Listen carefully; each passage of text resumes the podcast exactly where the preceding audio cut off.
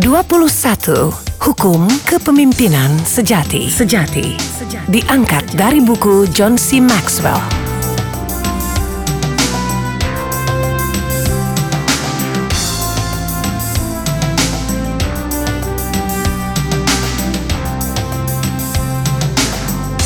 Hukum-hukum ini adalah landasan dari kepemimpinan. Semuanya dapat dipelajari. Masing-masing hukum melengkapi yang lainnya. Terapkanlah, maka orang akan menjadi pengikut Anda. Langgarlah atau abaikanlah, maka Anda tak akan dapat memimpin orang lain.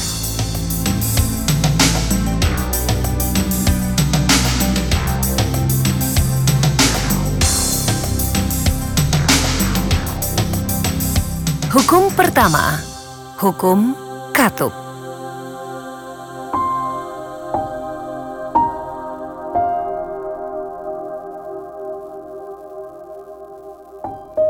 Kakak beradik Dick dan Morris sudah hampir meraih impian Amerika, namun gagal.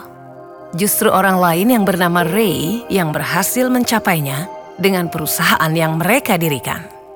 Itu terjadi karena mereka tidak menerapkan hukum katup.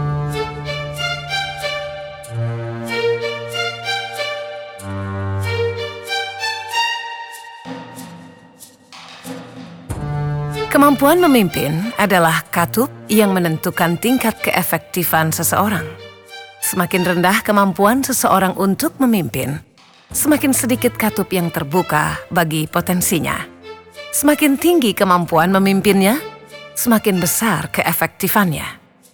Jika kepemimpinan Anda bernilai 4, maka keefektifan Anda tak akan pernah lebih dari tiga. Kemampuan Anda memimpin, entah baik atau buruk, selalu menentukan keefektifan Anda serta potensi dampak organisasi Anda. Kisah tentang dua orang kakak beradik bernama Dick dan Morris mengilustrasikan hukum katup ini. Pada tahun 1937, kakak beradik Dick dan Morris membuka restoran drive-in kecil di Pasadena. Di tahun 30-an, restoran drive-in merupakan fenomena dan sangat populer. Dick dan Maurice pun sangat sukses di bisnis ini. Pada tahun 1940, mereka memutuskan untuk memindahkan lokasinya ke San Bernardino, sebuah kota kelas pekerja berjarak sekitar 50 mil dari Los Angeles.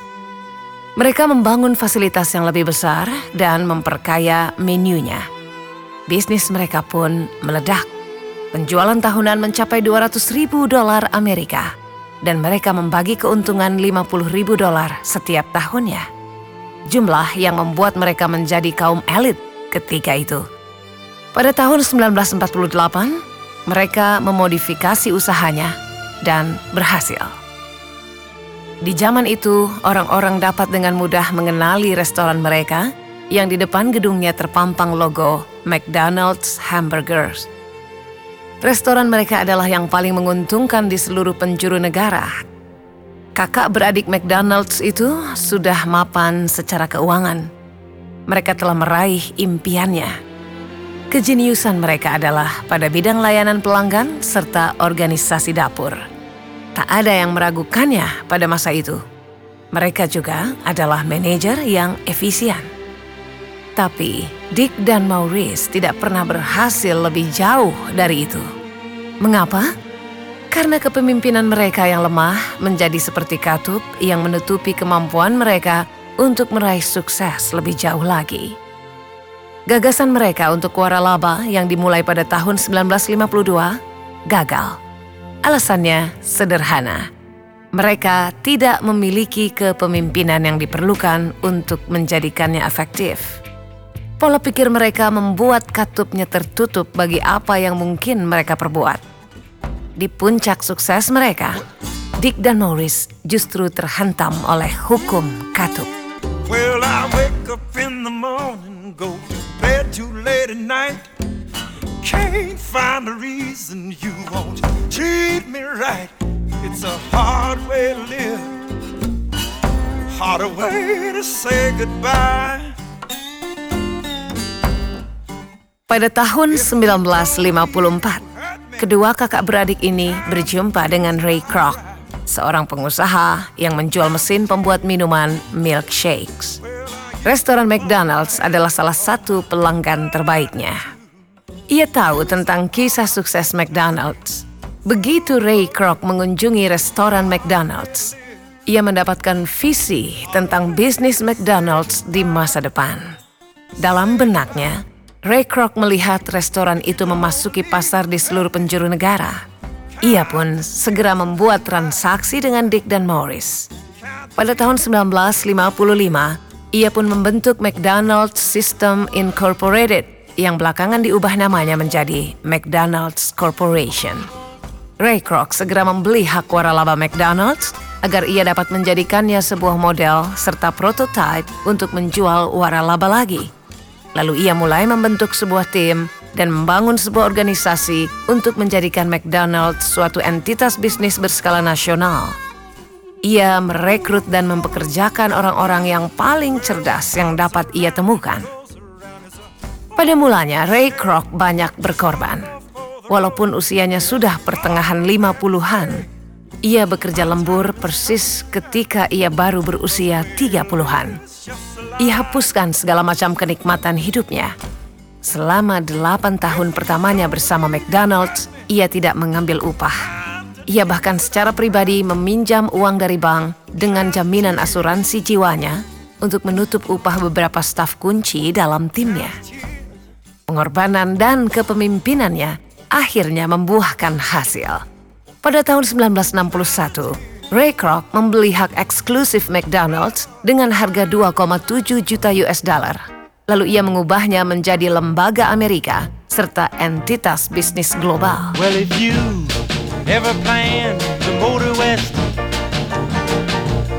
Jack, take my way, it's the highway, that's the best. Get your kicks on Route 66. Katup dalam kehidupan serta kepemimpinan Ray Kroc jelas terbuka lebih lebar ketimbang Dick dan Maurice, dua pendahulunya. Kepemimpinan serta visi mereka yang terbatas menjadi penghambat. Kurangnya kemampuan memimpin adalah katup yang menghambat keefektifan kakak beradik itu.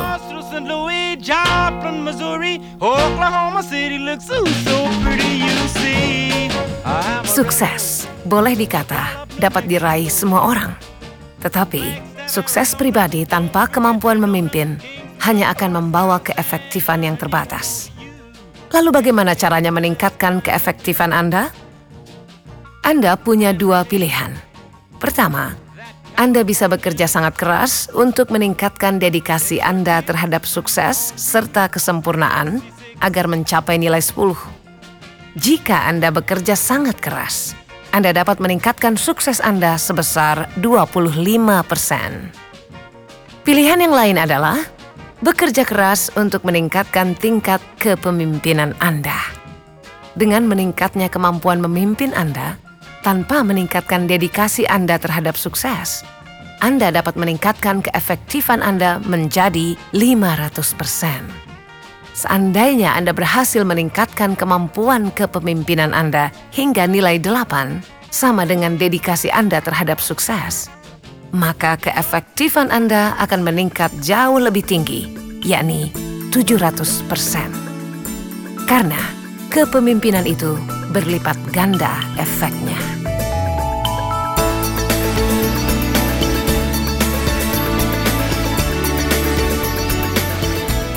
Apa pun yang ingin Anda capai, dibatasi oleh kemampuan Anda untuk memimpin orang lain. Semakin tinggi Anda ingin mendaki, semakin Anda membutuhkan kepemimpinan. Semakin besar yang ingin Anda berikan, pengaruh Anda harus semakin besar. Kemampuan memimpin selalu merupakan katup terhadap keefektifan pribadi maupun organisasional. Jika daya kepemimpinannya kuat, maka katupnya akan terbuka lebar. Namun jika tidak, maka keberhasilan organisasinya akan terbatas. Kita sering menemukan orang-orang cerdas, bertalenta, serta sukses yang hanya sedemikian saja prestasinya karena keterbatasan mereka dalam kepemimpinan.